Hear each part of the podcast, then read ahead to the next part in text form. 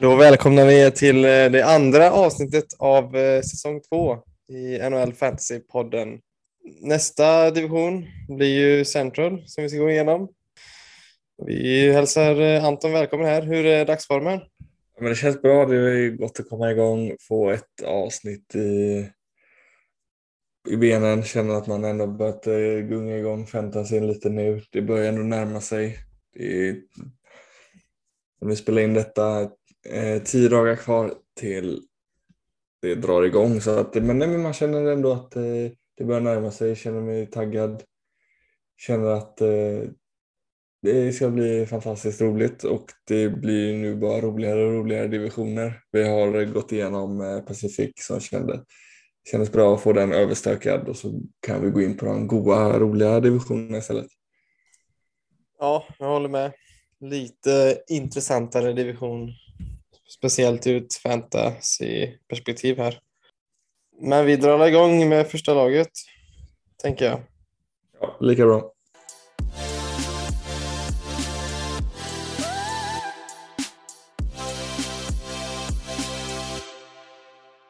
Och det första laget som vi har på agendan är ju Arizona Coyotes. Som, det har inte hänt så mycket där på deras eh, in och utlista. De har fått in eh, Cassian. Det är väl det större namnet där. Som har lite fantasy-relevans. Sen, eh, ja, det är ju inte så mycket mer där. Vad har du att säga om Cassian? Ja, han är väl inte så relevant. Eh, speciellt inte när han, eh, han inte spelar med McDavid eller Dreisaitl längre. Han var ju intressant i fantasy när han eh, spelade med dem. För han tryckte ju ändå på med hits och pillade in en del puckar. Men i ett Arizona så ser jag inget värde alls igen. Han står ju ändå uppsatt i en andra line enligt Daily Faceoff. Eh, men jag vet inte om han kommer spela kvar i en andra line och det är ju inget vidare andra kedja heller. Tycker jag inte. Så, ah, Cassian eh, tycker jag man kan strunta i. Alltså, det, det är ju egentligen vad finns det i Arizona med värde? Jag tror att allt beror lite på vad man har för inställningar. Vi har ändå eh, Keller som förra året eh, var strax under point per game-spelare. Men att om man då spelar eh, fantasy med minus så är det ju en helt annan femma då han inte alls levererar så högt upp. Mm. Eh, men ligor utan plus minus skulle jag säga ändå kan titta lite på Arizona på ett par spelare. Men eh, har man plus minus som vi har i den ena ligan då, så blir det ganska jobbigt. Då får man ändå dra av en del på Arizona-spelarnas värde. Men som du säger, Keller, eh, tycker även man kan titta lite på Schmaltz. Eh, sen Hayton Barrett Hayton är ju dock väldigt ung, född 00. Så det är ett väldigt osäkert kort, men eh, gör han en bra start så kan han ju vara en liten surprise i år. Det med eh, Schmaltz var ju att man hade ändå lite ögonen på honom förra året, men han levererar inte så bra. Eh, förutom när han hade en vecka där han typ gjorde 10 poäng på två matcher 12 eller något sånt sinnessjukt eh, mycket. Och då gick ju hans eh, stats eh, upp i skyarna. Så han slutade ändå på en 59 poäng på 63 matcher, vilket också är strax under, strax under point per game liksom. Men det var ju tack vare den veckan när han var stekhet liksom. Det är inte, det är inget du kan garantera. Han är ingen stabil poänggörare riktigt. Nej, verkligen inte. Men eh, man ska ju verkligen ha koll på honom. Han kommer väl ha sådana stunder i sin karriär. Känns alltså, det är ju väldigt viktigt. Alltså det ska ju, de ska ju göra mål också. De kommer inte liksom stå där utan eh, mål varje match. Liksom. Så de, någon måste ju göra poäng och mål trots att det är ett skitlag. Så är det och ja, de har ju inte kvar Kessel och eh, ja, det ser väl inte så intressant ut för de andra kedjorna tycker jag inte. Det är mycket tvåvägsspelare och ja, inte så mycket skicklighet offensivt. Ja, backsidan då? Gusty Despair, ett litet eh, en comeback förra året. Har han något, eh, något värde i fantasy tycker du? Men det, det är väl lite samma sak med eh, om man har för eh, stats. Kör man plus minus så är det ju lite tufft. Men han har ändå levererat ändå lite förra året och det är inte omöjligt. Alltså som en fjärde back, femte back. Få in eh, matcherna liksom istället för att sitta på eh, flera centrar eller forwards där du slutar med att du inte kan spela alla ändå så kan du lika gärna ha en, eh, ja, men en back om du, inte, om du kör utan plus minus. Mm. Det ser ändå ut som att han kommer få powerplay-tid och antagligen första powerplay nu när Chychrun är borta. Sen så får vi väl se hur länge Chychrun blir borta då. Det är ju oklart än så länge men ja, känns inte som att det är en långtidsskada i alla fall. Nej, men han känns ju så skadebenägen ändå så att det, man vet ju inte. Mm. Vad tycker vi om han då? Jag, jag testade ju honom och draftade honom. Eh, satsade lite. Att han ska ha ett comeback here. Jag tror lite samma sak som eh, Ghosty Spear att eh, han gör ju ändå, man kan ändå ha honom som en fjärde back. Han är ju lite bättre än Ghosty Spear, lite säkrare. Sen finns det ju alltid den här ifall han blir eh, tradad. Så kommer ju, han är ju, en- det är ju en bra spelare, han spelar ju bara ett alldeles för dåligt lag. Så blir han tradad och kan komma till ett bra lag och få spela mycket så kommer han absolut kunna leverera.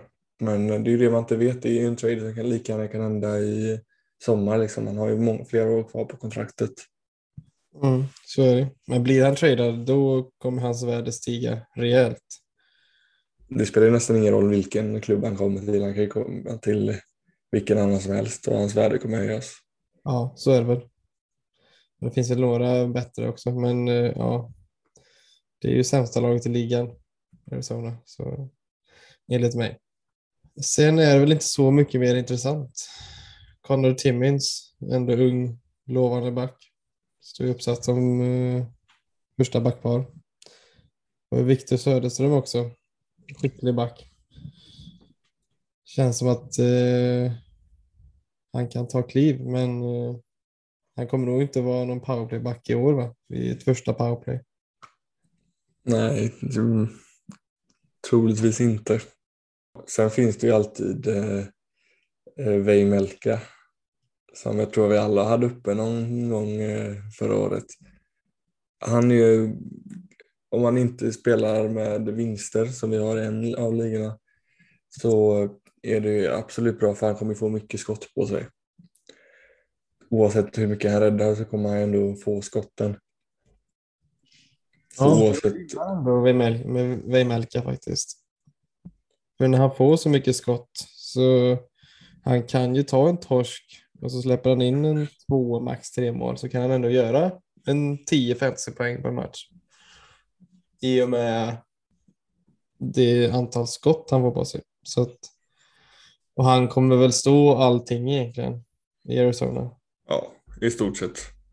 Så ja, det är väl inte någon målvakt att sitta på kanske så och satsa på, men att streama eh, när veckorna ser bra ut tycker jag kan vara värt. Speciellt om man kanske har eh, någon målvakt borta eller har tufft att få ihop starterna och så. Så jag gillar. Ja, ändå ha uppe ögonen liksom. Ja, han kommer ju alltid ha den här gröna goa bocken. Ja, den gröna bocken. Det var, eh, den har man saknat. Ja, den är så fin. Va? Men det var väl allt för eh, Arizona, känner jag. Ja, vi tar oss vidare till nästa lag.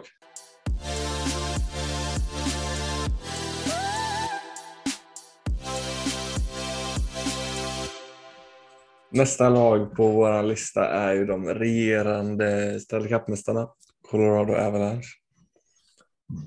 Som eh, vi absolut ser som en eh, kandidat till att vinna det i år igen. Och där har vi mycket gott att hämta ur eh, ett fantasy- fantasyperspektiv. De har ju fått in ja, Rodriguez som hade en eh, fin säsong eh, med Pittsburgh förra året. Han var ju absolut uppe där i... Om man, jag vet inte om han... Han var ingen streamingspelare till. Han fick väl ändå ett bra fäste om jag inte missminner helt. Ja, han var uppe i en 60 procent roster i alla fall ett tag där. Ja, Hade ändå en fast plats i ligorna. Men han var ju jäkligt bra, speciellt bredvid Crosby där. ja får se vad han kan Eh, göra. Ja, frågan är vad han gör med ja, Nishushkin kommer han att spela med och Newhook eller kanske en Lekkonen. Mm. Jag har inte han så högt faktiskt när han har lämnat Pittsburgh. Jag vet inte, du kanske känner annat? Nej, ja, eh, jag tycker att det finns annat som man hellre kikar på i detta laget. Ja, precis. Eh, får han chansen i första line vid skador så absolut. Ja. Men det beror också vad han, eh, liksom, hur han spelar, hur han ställer upp. Ja, verkligen. Då, I sådana fall tycker jag nästan han eh, går ut på Lekkonen istället. Jag tycker att han ser mycket finare ut och känns lite mer lovande än... Eh, jag vet inte, det lite, känns lite stabilare att gå på honom än, än om man skulle satsa på Rodriguez. Ja, ja Lekkonen är väl första reserv lite när ja, till exempel Landeskog är skadad nu. Då kommer väl få chansen i första fall.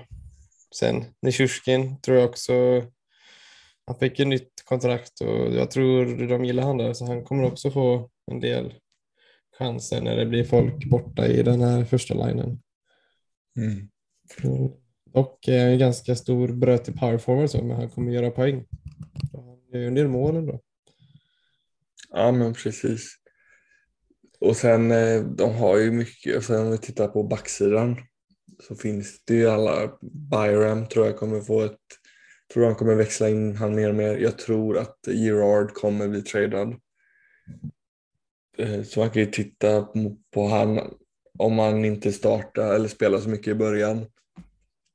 Kanske man får, kan få han lite billigare för jag tror ändå att han blir tradad eftersom de vill få in Byram i den rollen. Han tog ju över den rollen lite under slutspelet när Gerard gick sönder. Så att han har ändå bevisat att han eh, kan spela ordentligt. Och på riktigt liksom. Så jag skulle nog hellre ta Byram. Sen eh, Taves. Där har vi lite delade meningar om vad vi tror. Jag tror att han kommer att fortsätta leverera. Mm, han är fin han Taves.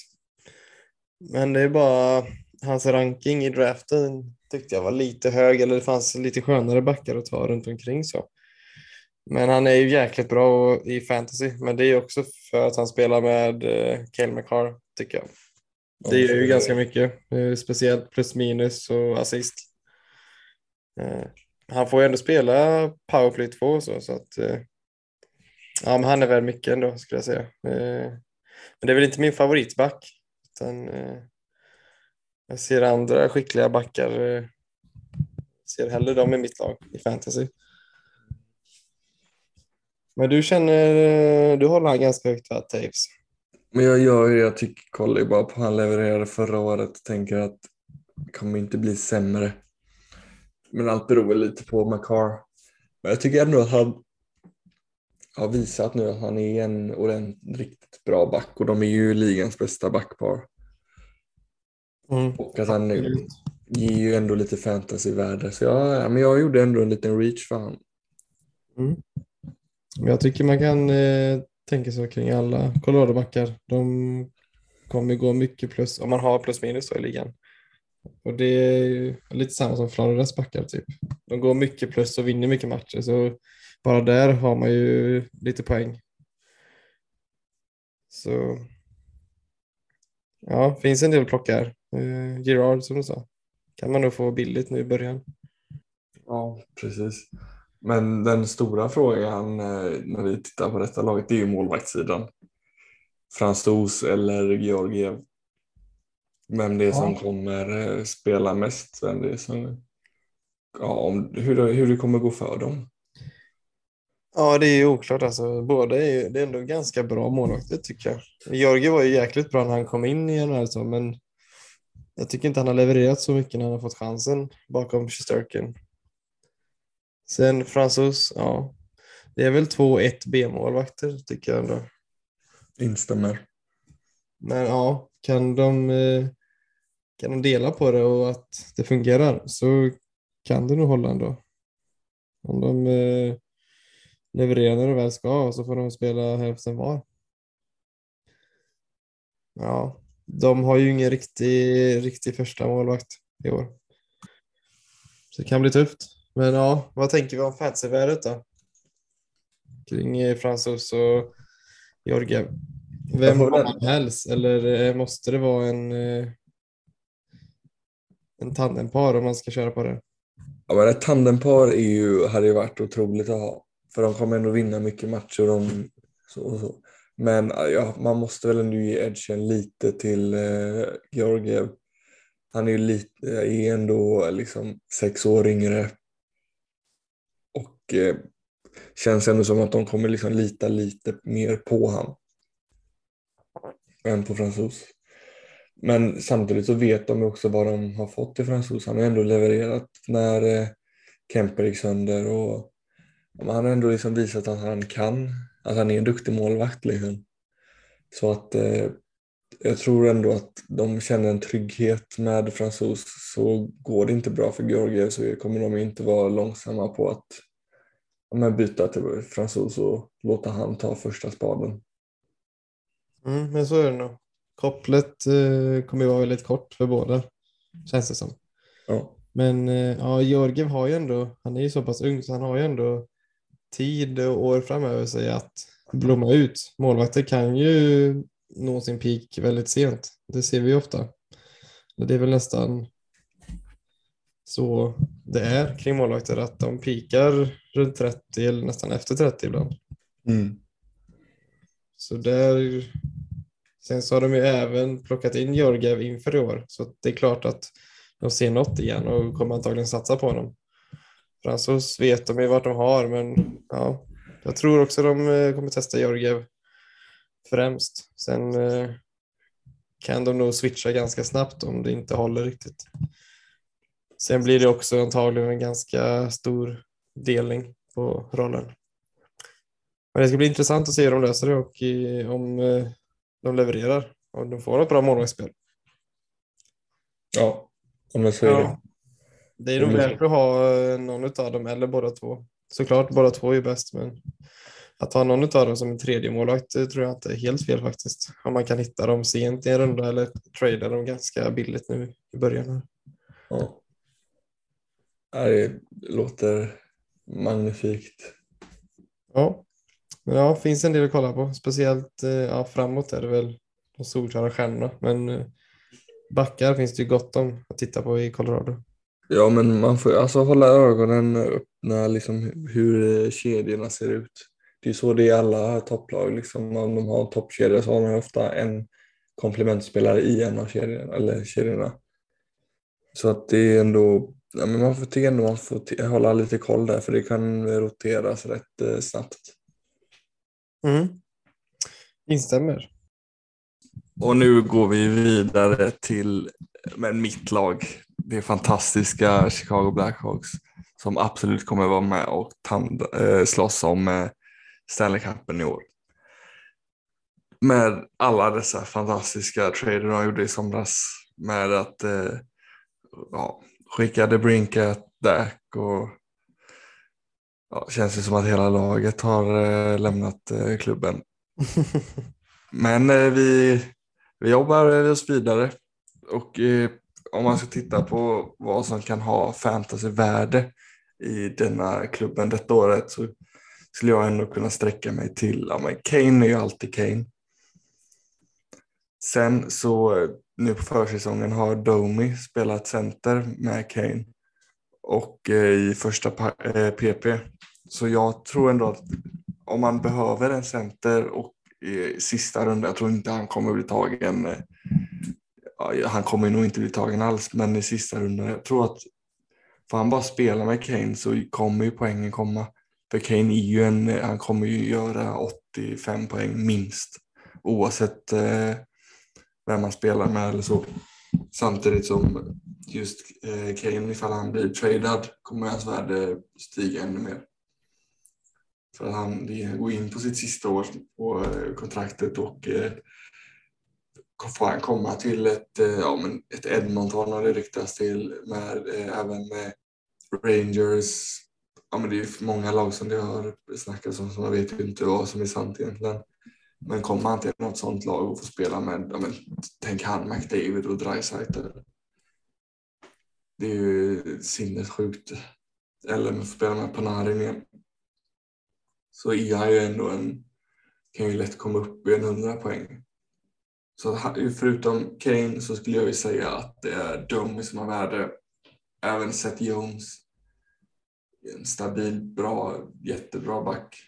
Men kommer nog gå rätt mycket minus i år. Så han kanske ska hålla man vet inte, man, vet, man ska inte ska reacha för honom. Det beror väl lite på eh, var man, vart han finns tillgänglig. Absolut en bra tredje back att ha. Andra back. Vad säger du om eh, Chicago? Ja, jag vet inte. Jag har inte så mycket att tillägga. Du har ju dratt igenom det mesta här om eh, ditt kära lag. Märker att det betyder mycket, Chicago. Men eh, ja, Kane såklart. Sen så känner jag inte för så många. Seth Jones är ju alltid värd mycket i fantasy tycker jag. Eh, trots eh, omgivningen. Men ja, vi behöver väl inte gå in på alla trader och sånt, men det är lite tråkigt hur de har styrt det ändå. Jag tycker det är konstigt att, eh, att man tradar iväg unga supertalanger och potentiella 50-målsskyttar i en rebuild. Det är ju liksom eh, spelare som det Brinket som du tradar första val för att få. Så jag fattar inte riktigt. Men det är, antagligen var det ju andra faktorer som eh, spelade in. Ja, kan hoppas det. Speciellt när man inte får så mycket för dem heller. Jag eh, hade hellre sett att de tradar de äldre spelarna, äldre ja. superstjärnorna. Ja, Men ja. Men sen om man ska titta, jag tänker en Merasek kommer nog spela en 65 eh, matcher. Eh, han... Om han är skadefri då. Exakt. Vilket han inte har varit senaste decenniet. Nej, men man kan ju alltid hoppas. Det är ju ingen, alltså det, han kommer ju spela mycket i sådana fall och då är alltså absolut någon man skulle kunna titta på. Alltså känner man för att gå tre eller kanske fyra målvakter, då hade han man hade kunnat titta på han som en fjärde målvakt tycker jag. Som man lätt kan skicka eller slänga in i ett tradesförslag ifall det går bra för honom och han är hel. Ja. För man gillar ju ändå målvakter som man vet kommer stå ja, 70 procent av matcherna, liksom, minst. De har ändå något värde trots det här laget som Chicago ställer upp med, tycker jag. Ja, han kommer få mycket skott på sig. Ja. Och ja, de behöver inte vinna matcher för att han ska få poäng som målvakt. Utan Nej. håller han hyfsat tätt bara och får mycket, mycket skott på sig så då genererar han ändå poäng. Ja. Ja, jag har väl inte så mycket mer att tillägga eller så om Chicago. Nej, det var... Fast de får första valet kanske, kan jag väl tycka. Ja, det hade varit, ja, det har jag absolut hoppats. Känns inte som att de kommer inte, det värsta är att de kommer säkert inte sluta där sist. De kommer ju sluta åttonde sist eller nej inte åttonde, jag tar i, men eh, sjätte sist så de kommer få liksom val sju för att de tappar lite i lotteriet också. För att de känns som att eh, Kane kommer vinna några matcher åt Chicago i, ja, i onödan får man ändå säga när man är ute i slutspelsrace. De har inte en chans att vara i slutspel, men det känns onödigt att vinna matcher då. Men vi tar väl oss vidare till nästa lag. Illa kvickt. Ja, då kör vi Dallas. Här finns det ju ändå en del forwards tycker jag, om vi börjar där. Eh, kanske inte så många elitforwards, men ändå många intressanta. Alltså första line med Robertson, Hintz, Pavelski. Det tycker jag alla är eh, intressanta och topp 100 i fantasy. Eh, Seigen Gurjanov i andra line. Också intressanta, enligt mig. Sen så är det väl inte så mycket nytt i Dallas. Utan eh, de tappar ju Klingberg. Vilket gör att Heiskanen blir väl deras solklara etta offensivt i år. Eh, jag ser inte riktigt att eh, Suder eller Colin Miller ska ta första powerplay från honom. Eller håller du med? Ja, jag håller absolut med. Nu, eh, nu när vi har spelat in det här så har inte Robertson eh, skrivit på ett uh, nytt kontrakt så han kommer ju missa ju uh, i början av uh, träningslägret. Vilket jag tror kan ha mycket negativ påverkan. Vi ser det på till exempel som hände med Nylander. Han levererade inte alls den säsongen när det drog ut på kontraktsförhandlingarna. Nu vet ju inte jag hur långt de kommer. Det kanske blir klart nu, men det är ändå lite, han har inte riktigt fått samma förberedelse. Han missat eh, någon vecka nu. Ja, det är väl alltid negativt att man drar ut på kontraktsförhandlingarna. Ja. Nu räknar jag med att han kommer signa till slut, men det är ju inget positivt. Och han kan ju missa en stor del av säsongen. Ja, men bara att han börjar missa lite matcher liksom, på säsong. Alltså riktiga eh, liksom, seriematcher. Bara där tror jag det är väldigt stor skillnad att inte få en försäsong med laget. Så jag tror att man ska nog hålla ett litet öga på honom. Han, han har ju varit jättebra de senaste två säsongerna. Förra året eh, över point per game. Men det beror lite på hur högt, eh, ja, men hur högt han rankas och vart han, vad som finns runt omkring när man kan eh, drafta honom. Mm. Jag tycker han är deras absolut bästa forward i fantasy och i, i riktiga NHL. Men sen så, ja, något som ändå jag tycker är värt att nämna är deras två backar som smäller på bland de, ja, de är ju toppen i tacklingsligan, Hackan P och Esa Lindell. De är ändå värda att titta på om man spelar en riktig bangers league så. Eh, med blocks och hits. Är man i en djup liga med många lag så är detta, jag tycker ändå de är bra att ha som, i alla fall som femtebackar. Eh, är det något du kommer titta på? I det kommer det absolut vara. För att de ger ju de säkra poängen. Liksom, vi satt ju på Lindell ett, ett tag förra året han levererar ju alltid ja, men 6, 7, 8 poäng. 10, liksom pillar han in en assist så kommer han liksom upp i en 15-16 poäng. Så liksom det, han ger ju alltid de säkra poängen. Han kanske inte kommer liksom inte hamna topp 50 eller topp 80. Man kan ändå ligga 120. 130 liksom. Ja, det är ju, det är ju säkra pengar på banken och oftast och välja ja. spelarna. Ja. Om man är ja, i en djup liga då. Annars finns det ju bättre alternativ så om man är tio lag eller mindre. Men det är ju en del lag i ligorna och då är ju detta bra spelare då att ha. Ja, jag instämmer. Sen så är Klingberg borta också och det gör ju att det är ju ett steg närmare för att spela powerplay ifall skador och sånt kommer. Jag tänker Lindell är väl ändå, han är ju inte med i andra powerplay nu, men kommer en skada på någon av de powerplaybackarna så kan han få steppa in där också, tänker jag. Så kan det absolut bli. Heiskarnas värde måste ju ändå höjas lite nu när han får ta över som första back också. Ja, det, jag tänker att han har lite, värdet är väl lite närmare hans, det han hade efter den här första fina säsongen. Så han har ju haft det lite tufft efter sin rookie-säsong. Men ja, han blir ju solklar etta. Som, som sagt. Och så har vi ju deras eh, målvakt som riktigt blommade ut eh, i slutspelet förra året. Jake eh, Ottinger. Som, eh, det är ju din gubbe detta året. Ja, precis. Ja, jag tog han som första målvakt i en av ligorna här. Jag ska väl erkänna att jag har inte så bra koll på han som jag har på andra målvakter i ligan. Men eh, ja, han var ju svinbra i slutet förra året.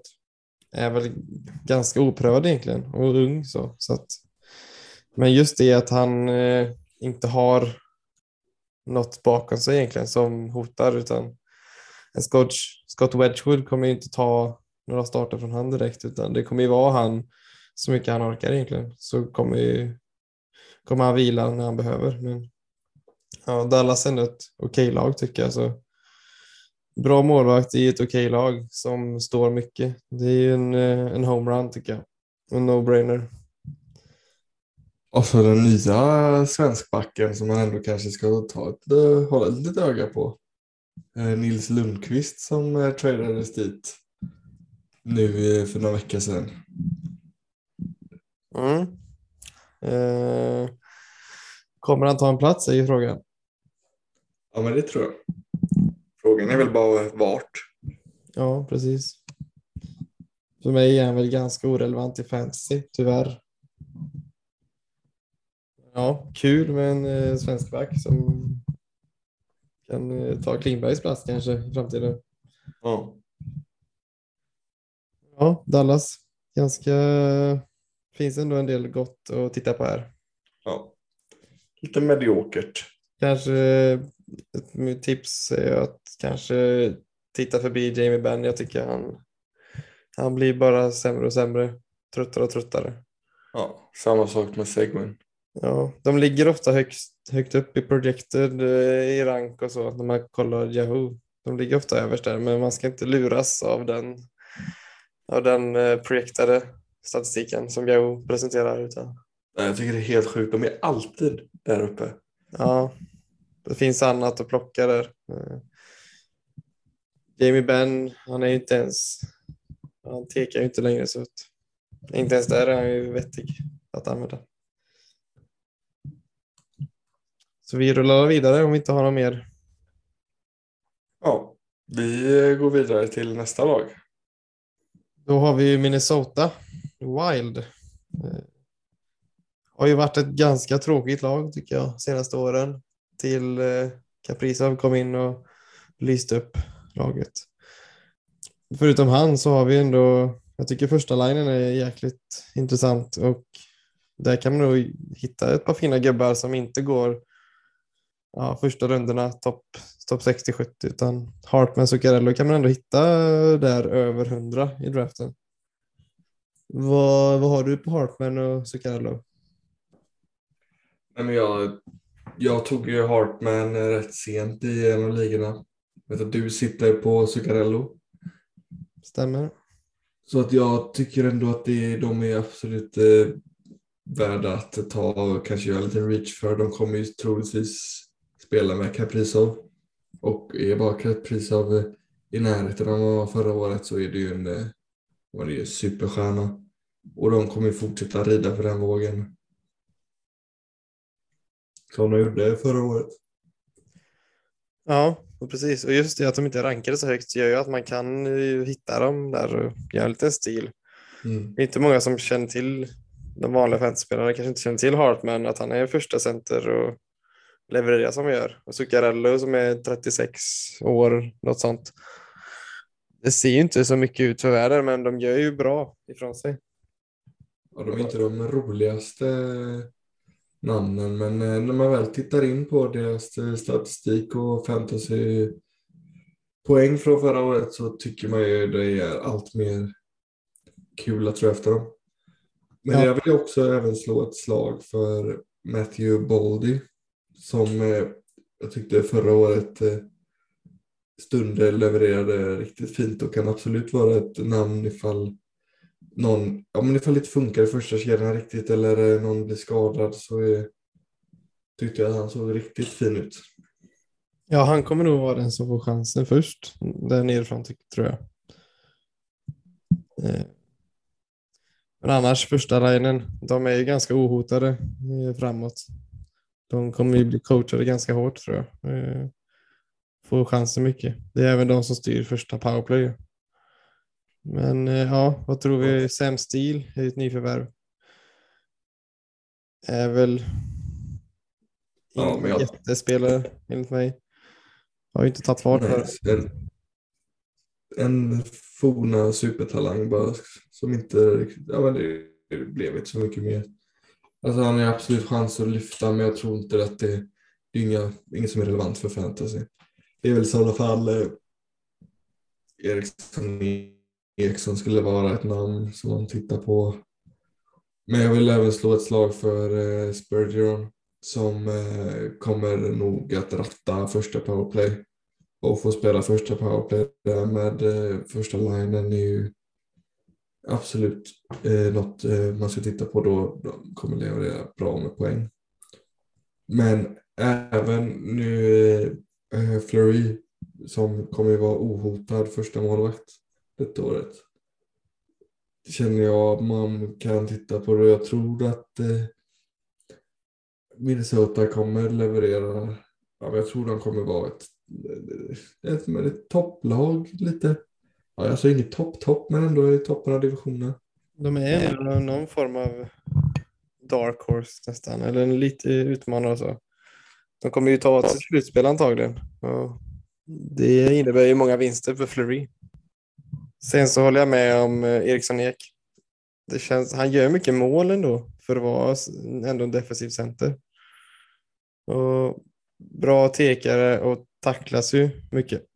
Så han är väl också ett namn man kan kika på för att fylla ut sitt lag eller streama så. Annars eh, jobbar vi väl oss vidare i Central Division. Kikar in eh, Nashville som ändå eh, har en del både framåt och bakåt att titta på.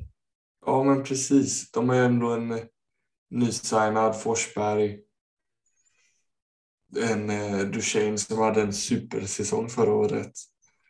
Vet inte vad, vad han kan göra nu, ifall det var bara one season eller, eller så. Sen har de ju Tanner you know, som eh, var en riktig tacklare och ja, poänggörare även som eh, rookie förra året. Han hade en, en fin fantasy-säsong. Samtidigt som de, eh, om man ska titta neråt, de har fått in Kevin Lankinen som keeper, ett bra eh, backup-målvakt till Saros, vilket kanske kan göra att eh, Saros inte behöver spela lika mycket grundserien och dra på sig skador till slutspelet. Så han kan ändå få några mer matcher i, under grundserien. Fått in en eh, Ryan McDonough stärk, som stärker upp försvaret, vilket kan leda till ja, men bättre målvaktssiffror för både Saros och Lankinen. Men det är väl det jag har att säga om Nashville. Jag vet inte om du har något att tillägga där. Ja, men jag håller med. Målvaktssidan blir ju jäkligt mycket starkare nu med en riktigt bra andra målvakt. Han är ju en 1B egentligen. Jag tycker han har visat att han kan vara första målet Lankinen också. Men ja, riktigt bra målvaktssida. Eh, sen eh, tycker jag, de har ju fått in Nino Niedreiter också. Han är väl ändå värd att nämna tycker jag. Eh, en bra topp 6-spelare skulle jag säga, om man har rätt omgivning. Han gjorde mycket mål i Carolina. Eh, Så han tycker jag verkligen man kan ha som en av de sista forwardsen in i laget. Beroende på vad det är för liga man spelar i såklart. Men eh, får ju ändå, kommer nog få chansen ändå som topp 6 i början här. Eh, det är lite skillnad kanske att spela i Carolinas topp 6. Men eh, ja, ändå värd att titta på. Ja, absolut. Vi jobbar oss vidare till eh, St. Louis som också spelar i Central Division. Eh, framåt eh, börjar man med att titta på Tarasenko så tycker jag att han har stagnerat lite i sin karriär. Han har eh, varit bättre än vad han är nu. Eh, har haft problem med axeln. Så han tycker jag att man inte ska vara alltför het på. så. Eh, annars är det väl två namn som jag tittar eh, på när jag tittar på St. Louis forwardsida. Det är Jordan Cairo och eh, Robert, Thomas. Gjorde ju riktigt bra säsonger förra året, speciellt i fantasy. Så de tror jag ändå kan sluta runt topp 50-60 om de gör ett bra år. Eh, vet inte om du håller med? Jag håller absolut med. Det är väl de man eh, ska ha ögonen på i fantasy. Sen är ju också O'Reilly alltid ett namn. Tycker ändå att han senaste åren, han levererar stadiga fantasypoäng. Men man kanske får men låta han liksom jobba in lite i säsongen innan man vet vad man har han riktigt. Han känns som ändå en sån rutinerad spelare som ändå växer in i säsonger. Så ja. kan ta lite tid för han att komma igång. så. Men uh, han är ju som, som bäst i slutspelet också. Så att jag tror han blir bättre desto längre säsongen går. Ja, samma här. Sen uh, Braden Chen har jag sett är rankad ganska högt i, enligt Yahoo. Och det tycker jag är en liten red flag som man ska hålla, ändå hålla koll på. Jag tycker inte han ska vara ja, topp 90, topp 100 som de sätter honom. Nej, nej, nej. Han är uppställd som tredje center nu som ett förslag här från Daily Face-Off. Och då är man ju ingen topp 100-spelare tycker jag inte. Om man är tredje center och ja, visserligen spelar han ju powerplay men varningsflagga på Braden Chan tycker jag. Ja, jag tycker man borde hålla sig borta från honom. Vad säger vi om deras backsida då? Men Krug är väl alltid relevant i fantasy. Får jag säga, spelar ändå liksom första powerplay. Ja, håller med. Men sen, åh, folk kan ju alltid vara någonting. Jag tycker man kan slänga ett öga på Justin Falk. Han hade ju ett bra fantasy år för två år sedan, eller året innan förra året. Ja. När han väl tacklas och går lite plus så är han ändå fin där i powerplay 2. Annars är det väl inget vidare att titta på. Pareko har ju inte den offensiven som han hade för några år sedan här.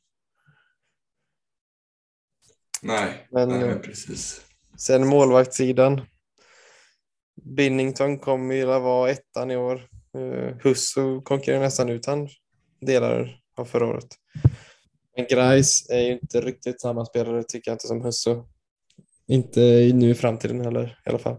Nej, men nu blev det ju lite mer att nu är det ju rätt tydligt att eh, Binnington är deras första keeper. Att, jag tycker det är konstigt att såg ändå att Husso tog över första sparen där förra året. Ja. Eh, han har ju ändå visat Binnington att han kan, eh, men han är ju inget säkert kort så. Men eh, ändå en bra målvakt att ha i fantasy skulle jag säga. St. Louis är ju ändå ett stabilt lag, lite som Minnesota tycker jag. Något form av mellanlag som ändå kommer ta sig till slutspel antagligen. Ja. Så ja, Binnington tycker jag man kan kika på. Ja. Men det var inte så mycket mer för St. Louis utan eh, vi vandrar raskt vidare till eh, det sista laget i Central Division. Vad har vi där då? Där har vi ju Winnipeg som jag ändå tycker har en del rätt intressanta namn för fantasy-säsongen. Vi har ju en eh, Dubois som jag eh, som hade en litet breakout eh, år förra året. Som eh, ändå lever man levererade bra starkt. Är ju rankad någonstans 50-60, kanske är lite högt beroende på vad han man vet inte med säkerhet vad han, vad han är för någonting. Om han är den spelare han var förra året. Så, Ja, jag håller med. Han är intressant. Lite, han var ju rankad högre än Scheifel i år. Jag vet inte riktigt vart Scheifel har tagit vägen i rankingen, men han var ju högt upp mot 100. Så då, trots att han antagligen kommer vara första center där med Connor som är ja, för övrigt riktig målspruta. Han tycker vi om, Connor. Ja, han tycker vi riktigt mycket om. Ja, men jag tycker det här med Dubois, det är väl lite vem det är som eh, ja, man får spela i första line med Ehlers och Connor. Mm. Det, det också snackas ju lite om att det verkar inte vara så bra stämning i laget och det har varit, ja, men det har varit mycket strul utanför isen i Winnipeg. Ja, det är som, eh, det hörde man ju från Elaine var där när han lämnade att de var lite osköna utanför isen. Typ Ja. Wheeler och Scheifele. Nu blir Wheeler av med kaptensbindeln var det väl här. Eh, De kommer väl gå med assisterande. Tre stycken. Så det är väl något lurt där. Så, Ja, man, vet, man vet inte riktigt hur det kommer påverka spelarnas ja, men prestation detta år. För de har ändå ett, en trevlig topp sexa liksom. Mm. Samt ändå, ja men Pionk är ju- tycker jag är ju trevlig att, eh, som back också och Morrissey. Ja, verkligen. De är ju två backar som, eh, som lätt tar eh, plats i ett fantasylag. Samtidigt som de har Hellback. Ja, också det är en gammal favorit för mig i alla fall. De, han får ju så mycket skott på sig. Det är väl största anledningen. Inte bästa laget, men han är ju riktigt fin han. Hade dock ganska tuff fjolår, fjolårssäsong, men eh, jag tror han kommer, kommer hålla en bra nivå i år. Det är väl bara situationen i omklädningsrummet som är lite problemet. Känns som att det är lite en krock mellan eh, nya och, och gamla skolan där i Winnipeg. Med gamle Wheeler som satt som kapten. Ja, de har ju fått in en ny tränare nu detta år, så vi får, man får ju lite se vad det är de... Men hur, de är, hur det går. För de, ja, men som vi precis säger, liksom, de har ju ett trevligt lag. De har absolut chans att eh, ja, men utmana om slutspelsplatser. Men eh, jag tror allt beror på hur det blir utanför isen. Det här har fantasyvärlden. Mm. Det är väl en bra summering på Winnipeg tycker jag. Finns ju mycket gott att titta på i enskilda fantasyspelare. Ja, jag instämmer.